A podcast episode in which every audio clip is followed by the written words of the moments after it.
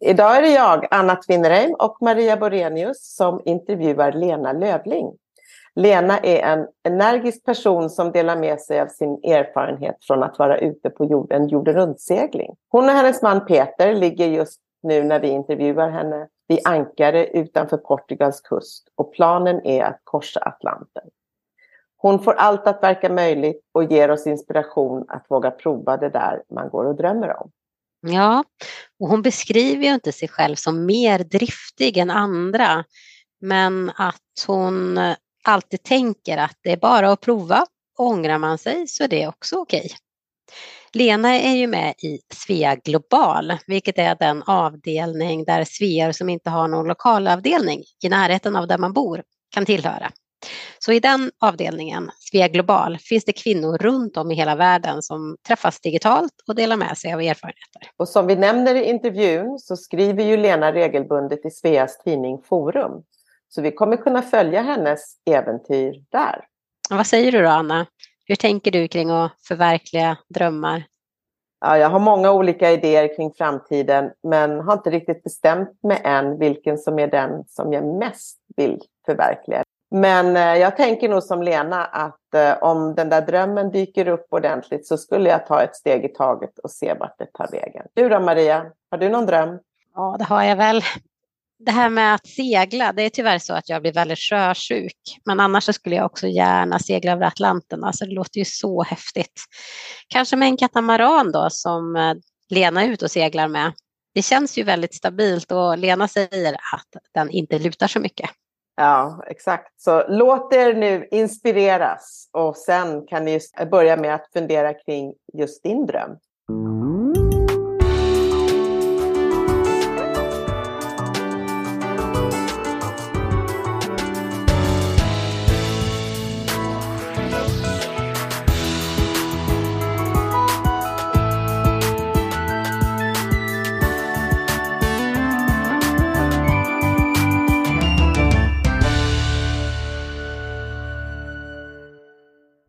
Jag heter Lena och jag befinner mig just nu utanför Portugal längs Algarvekusten på ankare i, på min båt tillsammans med min man Peter. Vad spännande Lena, vad kul! Det ska bli så spännande att få prata med dig och det låter ju inte alls eh, eh jobbigt att ligga på ankare utanför Portugals kust. Hur är vädret? Hur varmt har ni det? Faktum är att just nu är det ganska varmt. Jag tror att det är 26-27 grader. Vi har precis varit inne, vi rodde in till eh, den här sanden som vi ligger precis utanför och det var ganska varmt när vi gick omkring där och vi satt och åt lite.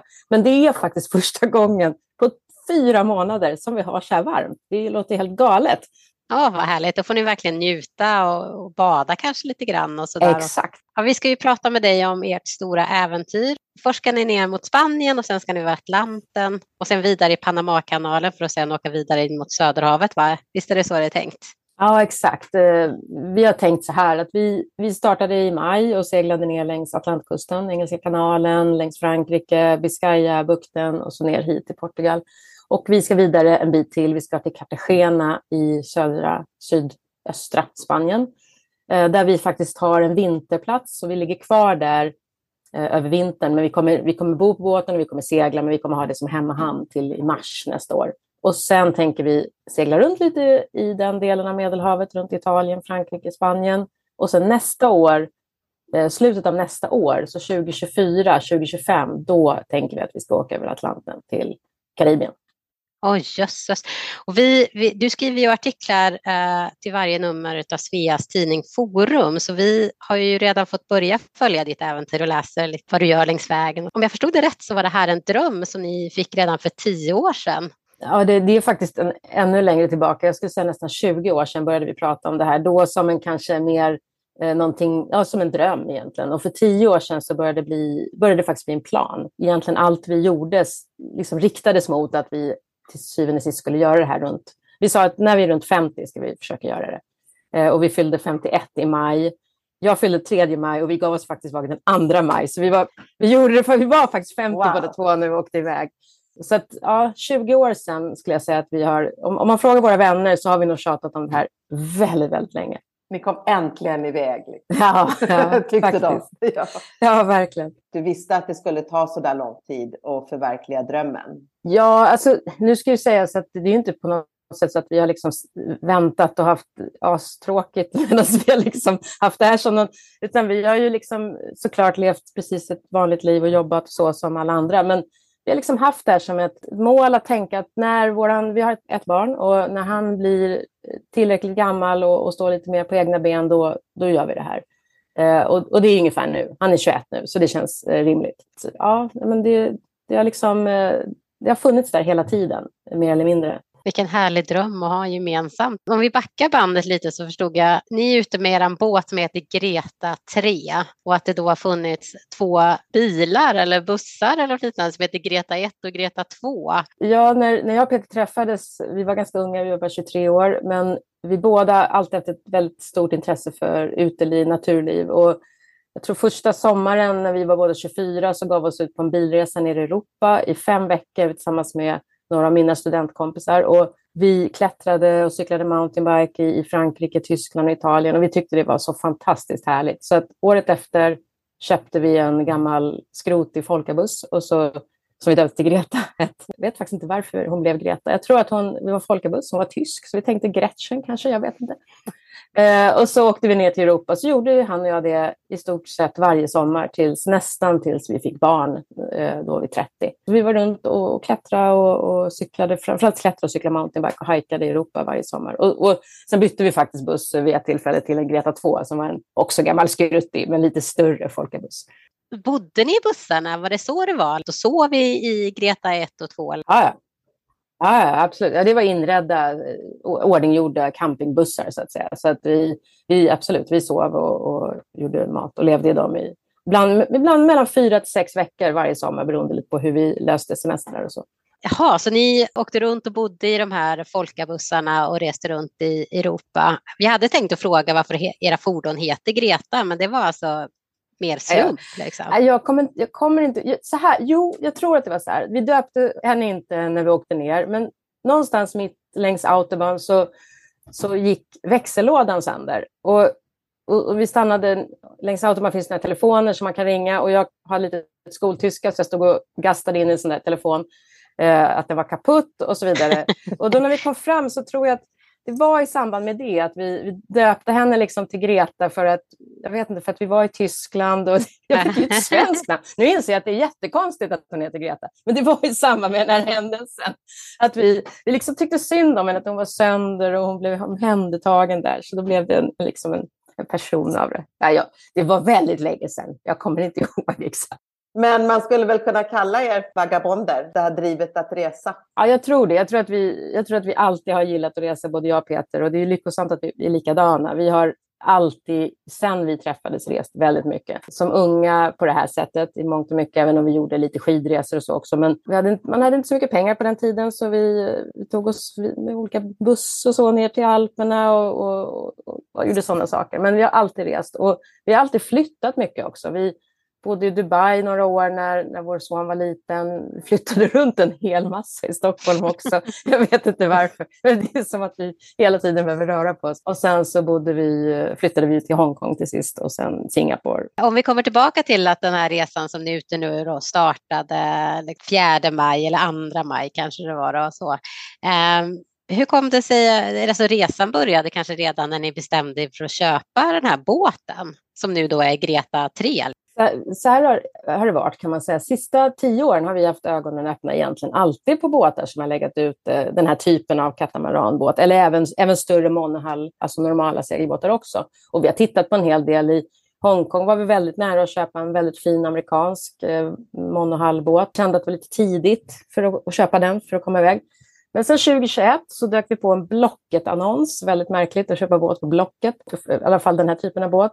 Och då låg den här båten i Finland, vilket också är väldigt märkligt, för de här båtarna finns i stort sett aldrig i Norden att köpa. Men det var som att det liksom betydde någonting, att, att vi alltid pratat om att vi ville segla från Sverige och neråt. Att det var liksom en, kändes som en, en schysst startpunkt, att man börjar från Sverige och sen åker vi. Men vi trodde aldrig att vi kunde göra det. Men, men då hittade vi den här båten i Finland och det var ju mitt i covid och svårt att ta sig till Finland. De hade stängt gränser och så. Men vi hade massa konversation med den här ägarna och vi skickade dit en båtbesiktningsman som var finsk såklart, som skrev protokollet på finska såklart. Så vi fick översatt och lite hjälp av min brors eh, fru som har rötter i Finland. Till slut kände vi, nej, det här det känns bra. Det här är precis den båten vi vill ha. Så vi eh, tog oss till Finland medelst eh, flyg. Vi flög, böt flög, flyg tre gånger, åkte tåg från Helsingfors, buss från eh, Var började ni någonstans då? I Singapore. Vi bodde i Singapore då. Så vi åkte från Singapore, Amsterdam, Amsterdam, Stockholm, Stockholm, Helsinki, tåg från Helsinki upp till Åbo, Vasa, jag kommer inte ihåg, och sen buss. Och sen kom de här äh, finnarna som sålde den och hämtade oss med en gammal skruttig husbil faktiskt av någon outgrundlig anledning. Och så kom vi dit och så blev vi bjudna på finska piroger. Och... Kärlek vid första ögonblicket? Då, ja, verkligen. Det kändes helt rätt när vi såg båten och vi satte oss. Och... Så, så låg vi kvar där några dagar och fixade med överföringar av pengar och sådär. Och sen satt vi där uppe i norra Finland i mitten av juni i min båt. Och ingen visste att vi var hemma för vi hade inte vågat säga något. För vi tänkte att nej men gud, om, om vi blir blåsta på pengarna, för vi hade ju inte sett båten i verkligheten, då, kan vi, då står vi inte för det, då får vi bara ta det, för vi hade ju betalat en handpenning. Så vi satt där i Finland och bara, jaha. Men seglade hem den därifrån, det var en jättefin, mysig resa, för Finland var ju som sagt nedstängt, skärgården var tom, varenda hamn vi kom in i var egentligen tom på båtar och de som var där, de visste exakt vilka vi var, för vi var, gick som en löpeld genom WhatsApp-grupperna uppe i Finland, att de hade sålt katamaranen. Så när vi kom in så kom det folk och bara ”Ja, det är ni som har köpt deras katamaran, där är de”. Och vi hade finsk flagg upp hela tiden. Det sa de att det var bra, för vi var inte så välkomna där, vi svenskar 2021, för vi hade så dåligt med covid-regler tyckte de i Finland. Så de sa behåll finska flaggan så vet de inte. Nej, så vi seglade hem, hem den till Stockholm och så la vi upp den på land och sen låg den på land eh, från 2021 tills i maj i år. Ja, det låter ju som att eh, ni och Greta 3 har ändå liksom, det är match made in heaven och ni har hittat varandra och en bra start på det här fantastiska äventyret. Kan inte du berätta lite mer om den här rutten? Liksom bara hur, bara ta oss igenom resan längs och finns det någon slutmål? Nej, egentligen inte. Vi, vi har ingen tidslimit egentligen. Vi har sagt att vi ska ute så länge vi tycker det är roligt och, och, och det där vanliga såklart, att vi är friska och familjen hemma är frisk och allt det där. Men mm men vi har ingen tidslimit, utan eh, vi seglar på så länge vi känner att det är kul. Men vi har en idé om att vi ska gå över. Jag tror att vi kommer gå över Atlanten nästa år. Eh, så känns det just nu. Eh, vi hade nästan kunnat tänkt oss faktiskt redan i år, men nu har vi bestämt att, att vi gör så här. Dels beror det också på att jag jobbar fortfarande på distans och så länge jag är i Europa så, så är det ganska rimligt att jobba. När vi går över till Karibien så tror jag att det blir lite svårare med uppkoppling och tidszoner och så. Vi, vi går nog över då sen så ligger man väl i Karibien, tror vi i alla fall, att vi tänker att vi kanske är där ett år. Att vi gör en hel säsong, ett helt år i Karibien. Och sen tanken att gå vidare genom Panamakanalen, ut på andra sidan, ner mot franska Polynesien. Och där när vi pratar med folk som har varit där så säger de att där kan man bli fast i flera år. Det är, det är ett superstort ösystem, lika stort som hela USA. Så att där kan man hålla på länge och, och, när, vi, när vi sett bilder och filmer därifrån så känner vi att där kommer vi nu hålla på ett tag. Och vi behöver ingen visa där, det tillhör ju Frankrike så tillvida, eller tillhör gör inte, men det, det finns ett samarbete. Så som EU-medborgare mm. så har man möjlighet att vara där väldigt länge. Eh, men sen är tanken vidare ner mot Australien, Fiji. Får vi se om vi går upp tillbaka via, alltså upp via eh, Röda havet och Suezkanalen det beror lite på hur piratsituationen ser ut där nere och, och hur, hur han, liksom hanteringen av den här typen av båt, alltså fritidsseglare är i Egypten och de här länderna. För det har inte varit helt hundra där, eh, vad vi förstår. Men det är många år tills vi kommer den vägen, så att vi får se hur vi gör. Annars får man segla tillbaka ja, över Atlanten igen. Ligger ni i hamnar längs vägen? Nej. Ligger ni för ankar och ja. in? Och vi ska faktiskt inte ro. Vi ska ha en liten motor på vår lilla båt, men den har vi inte köpt än, så vi ror. Nej, så här är det. Tanken är att, att vi ska absolut lägga mer på ankar än i hamn. Av både ekonomiska skäl, för det är väldigt dyrt att ligga i hamn, eh, men också att det är, det är mysigt att ligga för ankare. Man ligger i fred och mer en naturupplevelse. Men längs den här rutten som vi har gjort nu, från Sverige ner hit, så finns det inte så mycket möjlighet till ankare, utan eh, längs Atlantkusten så är det i stort sett hamn som gäller. Det, det, finns liksom inte som i Sverige vikar eller skärgård att gå in i och gömma sig bakom öar, utan man är ganska utsatt och Atlanten är en ganska det har varit en ganska hård segling ska jag säga ner hit. Jag tror att nu kommer vi ha det mycket softare än vad vi haft hittills. Det har varit kallt och det har varit vågigt och det har varit motvind och vi har varit inblåsta och det har varit stormar. Känner ni att det räcker liksom med att vara två personer? Den här katamaranen kan man absolut vara två på. Man kan nog till och med, nej, kanske inte ensam segla, men två kan man absolut vara. Och en vanlig monohull kan du upp till ja, säkert 50 fot kan du säkert segla 60 fot två. Moderna båtar idag är så himla välgjorda på det sättet. Du kan sköta allting från sittbrunn och du behöver inte springa så mycket upp på däck och så vidare. Så eh, det är ganska smidigt. Men vi har varit fler på båten. När vi startade så hade jag min bästa vän med mig på båten eh, och vår son var med också i början. Och sen så bytte min kompis Annie mönstrade av efter tre veckor och sen kom Peters bästa kompis Otto med och så var han med några veckor. Och sen mönstrade Otto av och sen vår son Laban mönstrade av i Amsterdam och sen har vi varit själva. Hur länge är man ute på det där öppna havet? Atlantöverseglingen tar mellan två till tre veckor att göra med den här båten. Ja, det är två, tre, två till tre veckor är man helt på öppet hav. Nästa lång är när man går efter Panama, då är det också, skulle jag säga, närmare tre, drygt tre veckor tills man kommer till eh, de första liksom, öarna där man kan börja eh, lägga till. Men hur gör man med teknik så att ni kan kommunicera under de här veckorna ni är ute på öppet hav? Då? Eh, vi kommer, dels så, så, när, vi, när vi åkte ner nu från Stockholm ner till Amsterdam, så i Amsterdam tog vi upp båten. Den låg uppe i, i nästan sex veckor och då satte vi på helt nytt solcellssystem på båten med, med byggnation, så vi har ganska mycket solceller och nya batterier och så och en vatten, eh, en sån watermaker som gör vatten för att klara av den här typen av långsegling med, med el och så. Sen när man går över Atlanten så kommer vi även ha eh, någon form av satellituppkoppling så att vi kan få väderrapporter nedladdade. Vi, vi kommer inte kunna liksom streama tre säsonger av Game of Thrones eh, över, över den, men det får man släppa. Men, men väder och, och kontakt med nära och kära går att köra via satellit. Ja, det känns tryggt att höra. Då måste jag också bara veta, hur mycket segelvana har ni? Ja, men vet du vad, det här är roligt för att vi, egentligen så har inte vi så mycket segelvana. Nu blir jag jätteorolig. Ja, jag med. Kan ni, kan ni lägga till oss på den där anhöriga-listan? Nej, men seriöst, jag, jag är uppväxt med segling. Min pappa hade segelbåt från jag var liten och jag har seglat väldigt, väldigt mycket som barn. Men, men aldrig egentligen lärt mig att segla. Men jag var van att vara på en båt. Och Peter har aldrig seglat förrän vi köpte vår första Albin Viggen. Det är en liten 21-fots segelbåt, 70-talsbåt. Köpte vi när vi var 25-årsåldern. Och så seglade vi den några somrar, ja, men i den mån man hade tid. Precis som jag berättade, vi var ju nere i Europa i massa veckor, mm. så vi var inte speciellt mycket ute med den här båten. Så vi lärde oss lite då. Eh, och sen lite senare köpte vi en lite större båt, en 28-fots eh, båt, som vi seglar lite med. Men, men vi har bara seglat omkring i, Stockholms skärgård och Ja, jag menar, vi, vi, det är inte jättesvårt att segla, ska ju sägas. Det är ju liksom fortfarande ganska straightforward. Men, men vi har inte jättemycket vana. Jag ska säga att det vi har lärt oss på vägen ner hit, det är tusen gånger mer än vad vi kunde innan. Okay. Och alla vi möter de är jätteerfarna och vi känner oss alltid som, jaha, ja, ja, ska man göra så? Ja, ja det, det ordnar sig, det lär vi oss. Så nu tycker jag att vi är bättre, nu är vi duktigare. Men vi har mycket kvar att lära. Så är det ju. Men jag måste ju höra då, så ute där på öppet hav så där länge och så, hur gör man med mat? Ja, det är en, det är en planering som behöver göras eh, när man går så långt. Vi, vi gjorde Biscayabukten nu för några veckor sedan och det är tre dagar eh, översegling på den. Eh, så vi fick, även om tre dagar är mycket mindre än tre veckor, men man fick ändå lite känn. Vi gick i pass, eh, så dagtid mellan sex på morgonen och sex på kvällen så hade vi fyra timmars pass var.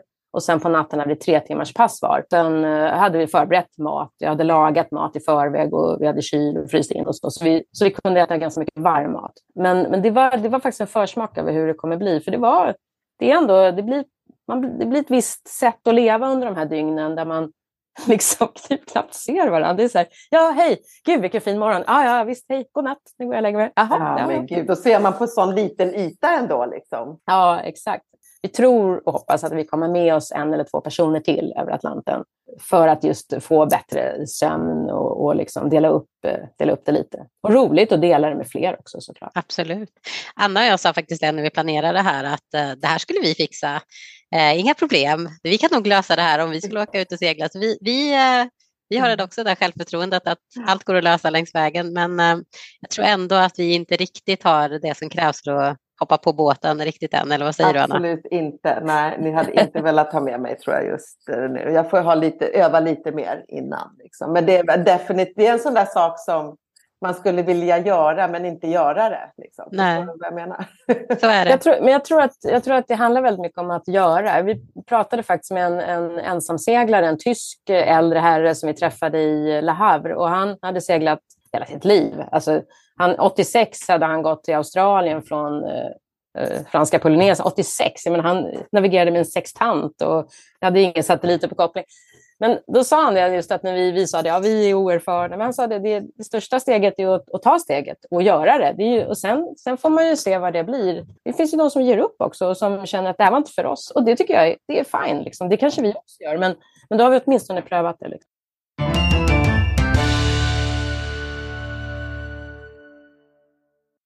Känner du till en svenska som du tycker synliggör och lyfter Sverige ute i världen på ett ypperligt sätt? Borde inte hon få lite uppskattning för allt hon gör? Nominera henne till Sveas utmärkelse Årets svenska kvinna 2024. Mer information om hur du nominerar din kandidat och vilka kriterier som krävs kan du hitta på svea.org. Sista dagen för nomineringar är den 30 november.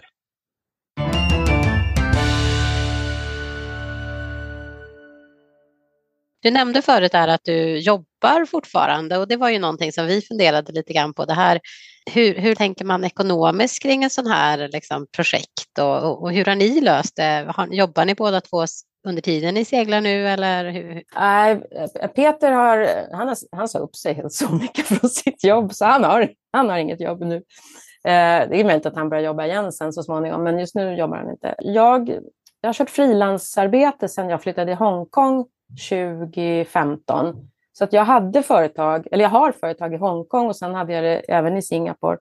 Och nu har jag eh, faktiskt startat företag i Sverige också, för jag har mest svenska kunder just nu. Så för mig har det gått väldigt bra att jobba. Och det är ett sätt såklart, precis som du är inne på, att få lite ekonomi i det också. Spart pengar. Vi har, och vi har sålt allt vi har. Vi har sålt hus och vi har sålt bilar och, och vi, har, vi, har liksom, vi har ingenting kvar i Sverige. Vi har några kartonger hos min stackars mamma som får ta hand om allt vårt inklusive våra katter har vi lämnat där också. Så vi har sparat pengar och vi lever på budget. Jag menar, vi kommer inte ligga i eh, Marbella och dricka champagne, utan eh, vi, vi liksom försöker hålla en budget som är rimlig. Att ibland gå in i hamn, vi gör mycket mat ombord, försöker fixa allt med båten själva så mycket det går. Så att, och sen så jobbar jag för att för, att, för att det ska komma in något slags inflöde av pengar. Vad gör du för något? Då? Vad är ditt jobb? Jag är grafisk formgivare och art director. Jag har varit det hela, hela livet. Så att jag var delägare i en byrå innan jag åkte till Hongkong och så sköt jag ut mig därifrån och sen eh, starta eget. Så jag har jobbat som frilans egentligen. Det låter som någonting man kan göra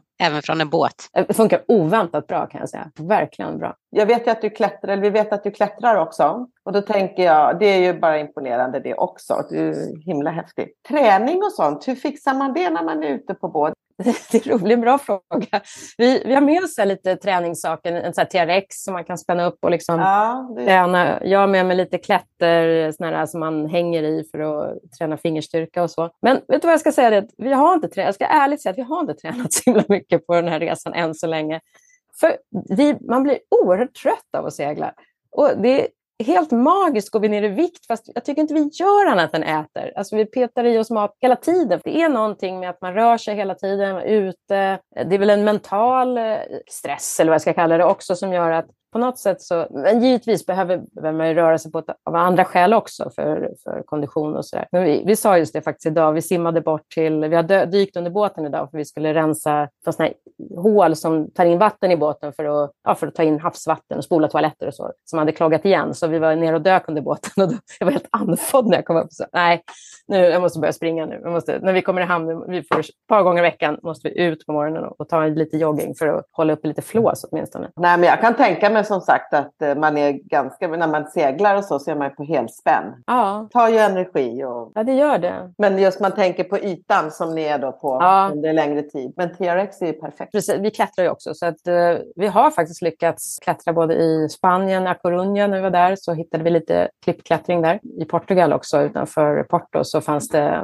lite klättring. Så att vi, har, vi har kunnat klättra i alla fall lite grann. Ja, men vad bra. Sen promener, promenerar man ju mycket och så, när man tittar på nya ställen när man kommer i hamn och sådär. Men nej, jag måste erkänna att träning, det har varit dåligt med träning. Känns som du gör mycket annat måste jag säga. Så du har nämnt några gånger här att ni har bott i Hongkong och Singapore. Vad gjorde ni där? Hongkong, vi flyttade dit 2015 och det var för att min man Peter eh, fick en tjänst där, eh, öppna upp eh, ett, ja, ett kontor för hela Asien för det företaget som han, som han jobbade på då. Och jag startade eget. Så där var vi, bodde vi i fem år tills han fick Eh, ett nytt jobb, ett annat, också svenskt företag som heter Varnish som eh, ville starta upp liknande, egentligen liknande sak, starta upp verksamhet i den regionen. Och då flyttade vi till Singapore för det var dels för att Hongkong blev väldigt stängt under covid men också av, av andra skäl att Hongkong har, har blivit en svårare plats att vara på för internationella företag. Så att då flyttade vi till Singapore och då kom vi dit mitt under covid. Så min upplevelse av Singapore tyvärr var, var sisådär på grund av att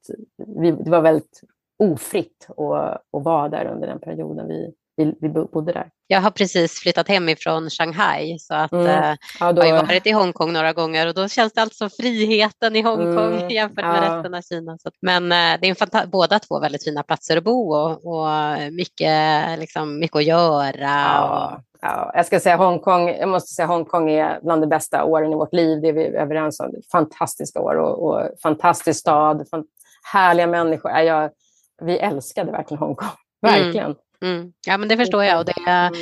det är så nära till naturen och det är ändå Ja. en storstad och du, du är mitt i Asien och det är, liksom, det, är- ja, det är en fantastisk plats verkligen. Ja, verkligen. Gud, vad sugen jag blir på att åka dit. Jag har aldrig varit där. Ja, du, ja, du måste. Ja, jag måste. Det ska jag göra. Absolut. Om jag inte seglar över Atlanten, men jag ska till Ja. Hongkong. Ja. Absolut. Banne med. Hongkong i alla fall. Ja, ja men det håller jag med.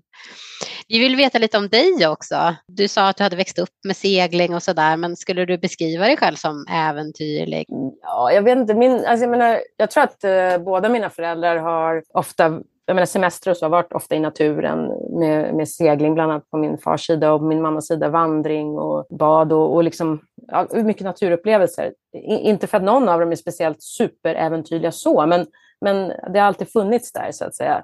Men jag tror att för mig var det, startade det när jag började på eh, högskolan i Dalarna där det var väldigt nära till framförallt just som klättring, mountainbike, den typen av verksamhet. Och, och då tog det fart för mig i alla fall. Och, och sedan dess har jag alltid varit egentligen väldigt, väldigt intresserad av det och försökt att ägna mig åt det så mycket som möjligt. Och och också gjort som ung och mycket skidor. Eh, jag tror att det, det, kommer, det kommer säkert därifrån. Och min, min man, vi träffades som sagt när vi var 23 och han var precis likadan. Så att vi har tillsammans gjort väldigt, väldigt mycket den typen av, av resor och upplevelser. Så är du uppvuxen i Stockholm? Ja, jag låter väldigt stockholmsk. Mm. Det, det finns en dialekt där i alla fall, det gör det. Du och din familj, din son bor någon annanstans? Ja, exakt. Han bodde med oss i Hongkong. Han gick i skola där, i high school. Och sen när vi flyttade till Singapore så flyttade han till Lund och pluggade ekonomi där i några år, eh, precis under covid, eh, vilket var sådär halvlyckat för det var inga lektioner. Så att han hoppade faktiskt av efter ett och ett halvt år och så tog han ett sabbatsår och nu är han och pluggar i statsvetenskap i Linköping. Och kommer att kanske hälsa på er då? Liksom. Det hoppas jag verkligen. Att, till jul i alla fall hoppas jag att, eh, att han kommer. Vad har varit bäst hittills? Alltså, vi, vi sa just det idag faktiskt, att allt har varit över förväntan. Det är alltid så när man planerar någonting och ser fram emot någonting att man sätter också upp väldigt höga förväntningar. Men jag, jag tycker vi har, det har varit, allt har varit, det låter helt konstigt, men allt har varit kanon, verkligen. Det låter så superpositivt, men, men det har det verkligen varit. Och bäst tror jag, det som har varit överraskande roligt, det har varit den här turen som vi kanske egentligen såg som en transportsträcka, att åka här Engelska kanalen längs Normandie, Bretagne och så vidare. Och jag, jag har varit där förut, inte det, men när man rör sig i de här, man, man går in på ställen som man kanske annars inte åker till när man åker bil och sådär. Det har så oerhört positivt överraskade till alla de här små franska byarna. Äter så sjukt mycket god mat. Och sen över då till Spanien och då fick man känsla för den här norra Spanien. I A Coruña var vi i och ner en bit i Vigo. Och sen över till Portugal. Det, alltså jag, vet inte, jag tycker det har varit otroligt härlig upplevelse att få alla de här europeiska länderna efter varann. Istället för när man åker Sverige, Frankrike, Sverige, Spanien, Ja, Sverige. Portugal. Så nu blev det ett flow och man känner skillnaderna kan jag tänka. Ja, och det var så härligt. Vi fick så, Holland kändes, vi var ganska länge i Holland som sagt för att vi lämnade båten där. Och Medan vi var i Holland så först tänkte vi stanna i Amsterdam och, och hänga där i några veckor eller alternativt flyga till Stockholm. Men så eh, gjorde vi inte utan vi flög till Italien istället, till Arco som ligger ovanför Gardasjön. Och så hyrde vi en Airbnb där och klättrade i fem veckor. Det var, kändes ju, semester från semestern kändes det som otroligt lyxigt. Eh, Så då fick vi lite Italien också. Och så tillbaka till Holland. Fick så otroligt mycket positiva upplevelser där. Eh, Belgien swishade vi förbi. Det var så roligt. Vi gick in i Zeebrugge i Belgien och så gick jag in och betalade sa så här, hur länge stannar ni? Nej, vi åker imorgon bitti. Ja, jag förstår det. Det är för jävla tråkig kust i det här landet, säger de. Ja. Jag var, ja, eller jag vet inte, så jag. vi ska i alla fall vidare. Och sen åkte vi vidare ner i Frankrike. Jag vet inte, när jag var i Frankrike sist fick inte alls den här känslan att jag tyckte det var så himla mysigt, men det var så otroligt trevligt.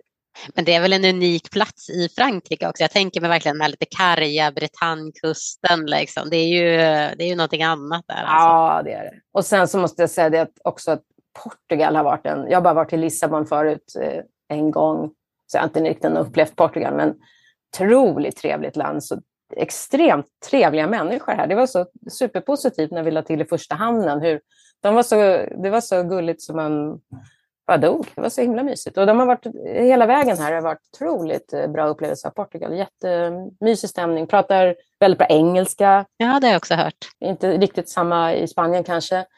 eh, Men, och i Frankrike heller. Men, men här är det väldigt lätt att kommunicera och lätt att prata med folk. Och, då- då får du alltid en bättre insikt i landet när man kan eh, prata med, med de man möter och så vidare. Ja, men det låter ju som bara, bara hålla sig i Europa skulle ju räcka som ett jätteäventyr Ja. också. Liksom. Ja, absolut. Om vi nu ska göra minivarianten här. Liksom. Ja, absolut. Och vi möter folk längs vägen, andra svenskar som, som seglar ner nu, som har tagit sabbatsår i två, tre år bara, eh, eller bara, men i två, tre år och, och bara gör Medelhavet. Och jag menar, det är gott nog. Det är supertrevligt det också. Så att, Vad ser du fram emot framåt av Det där vill jag väl, den där hamnen eller det där landet eller så här. Är det någonting som står högst på önskelistan? Först ska jag se faktiskt fram emot att vi ska lägga oss här i Cartagena och ligga lite mer stilla och få utforska den delen av Spanien lite mer. Också vara lite mer tillgängliga.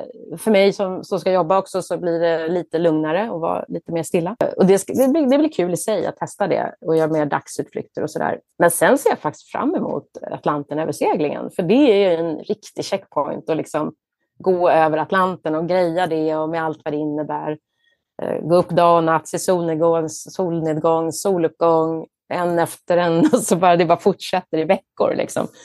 Det, det ser jag fram emot. Det ska bli superspännande. Har du några tips till någon, eh, våra lyssnare som lyssnar nu här och blir så himla inspirerade? Så, vad, vad ska man tänka på?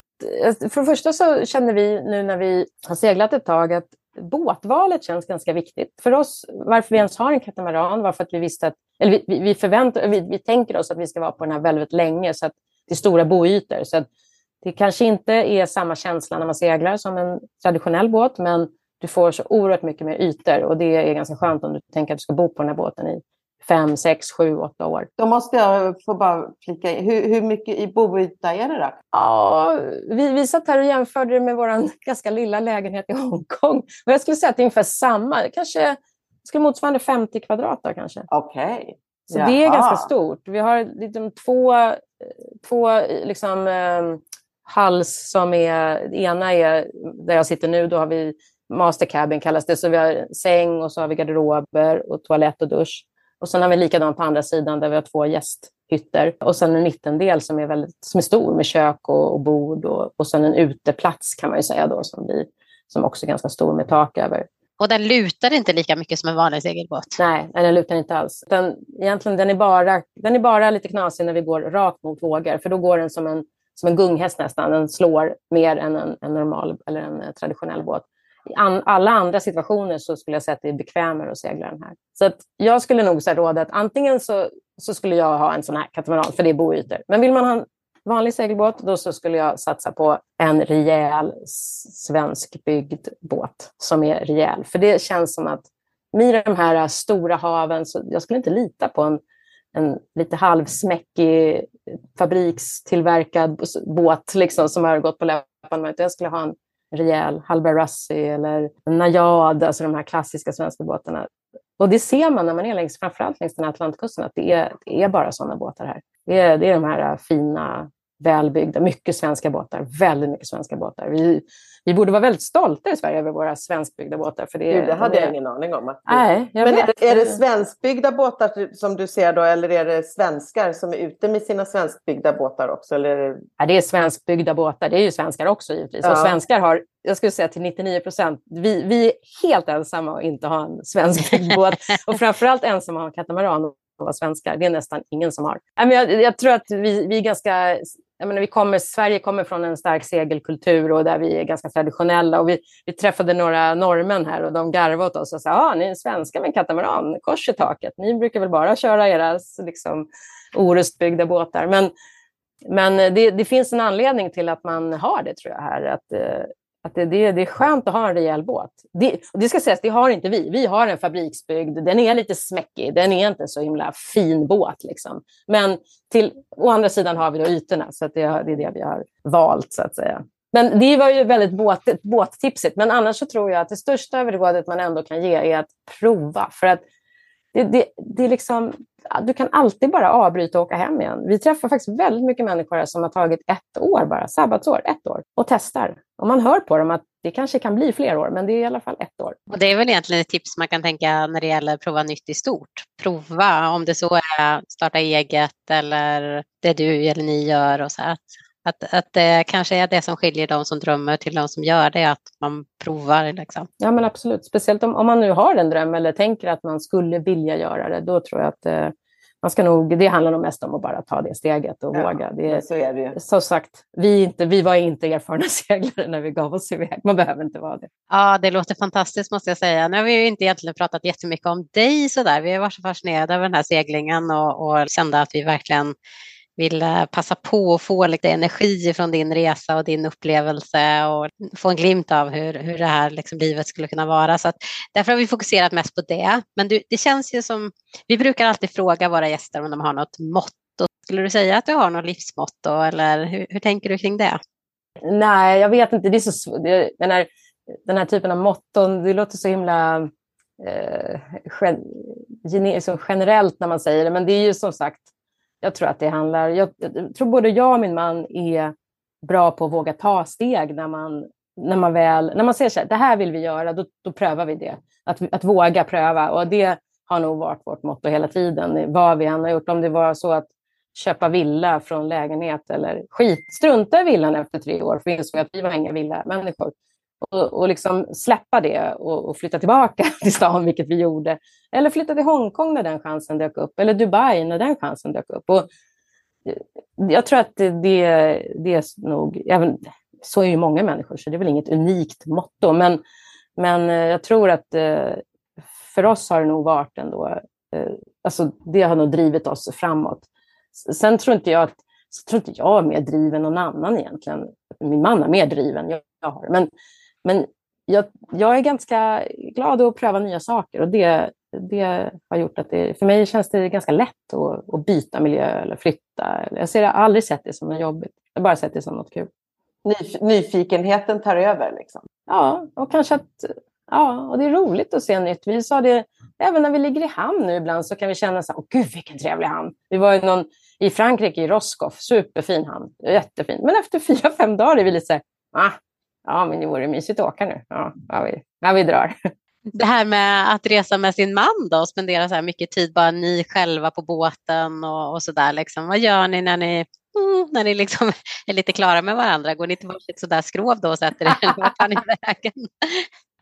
Alltså, jag tror att man, man, det är väl ett annat råd. Ska man göra en sån här grej så måste man nog vara väldigt, ska tycka att det är väldigt roligt att umgås med varandra. Eh, och det visste vi att vi, det har vi alltid tyckt. Så det, det var aldrig en issue och det var aldrig någonting vi faktiskt ens var rädda att det skulle kännas på något sätt jobbigt eller konstigt.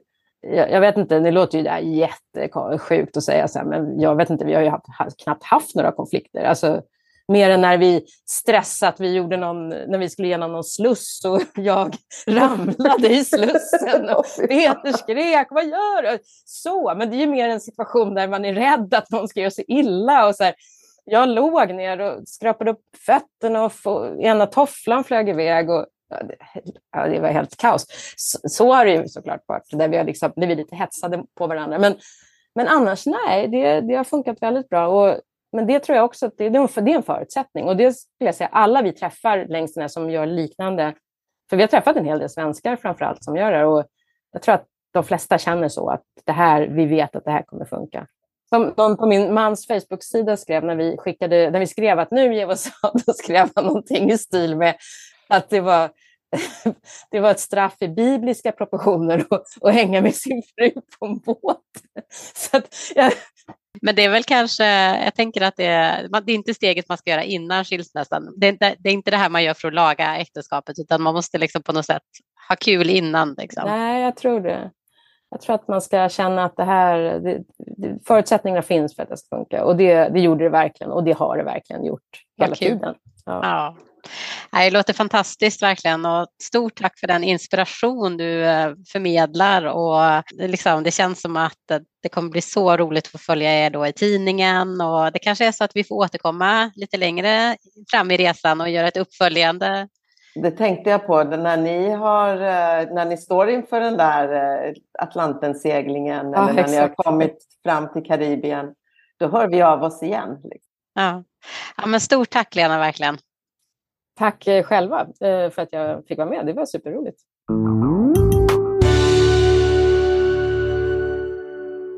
Tack för att du har lyssnat. Den här podden är inspelad och producerad för Svea International. Musiken är skriven för Svea av Fredrik Åkerblom. Alla vi som på olika sätt är involverade i produktionen gör detta som en del i vårt frivilliga engagemang för Svea. Sveapodden finns på de allra flesta ställen där du hittar poddar. iTunes, Google Podcasts, Spotify etc. Om du saknar något poddställe så skicka ett mejl till sveapodden gmail.com. Mer information om Svea hittar du på vår webbplats svea.org och i sociala medier så finns vi på Facebook, Instagram och LinkedIn och där hittar du oss som Svea International.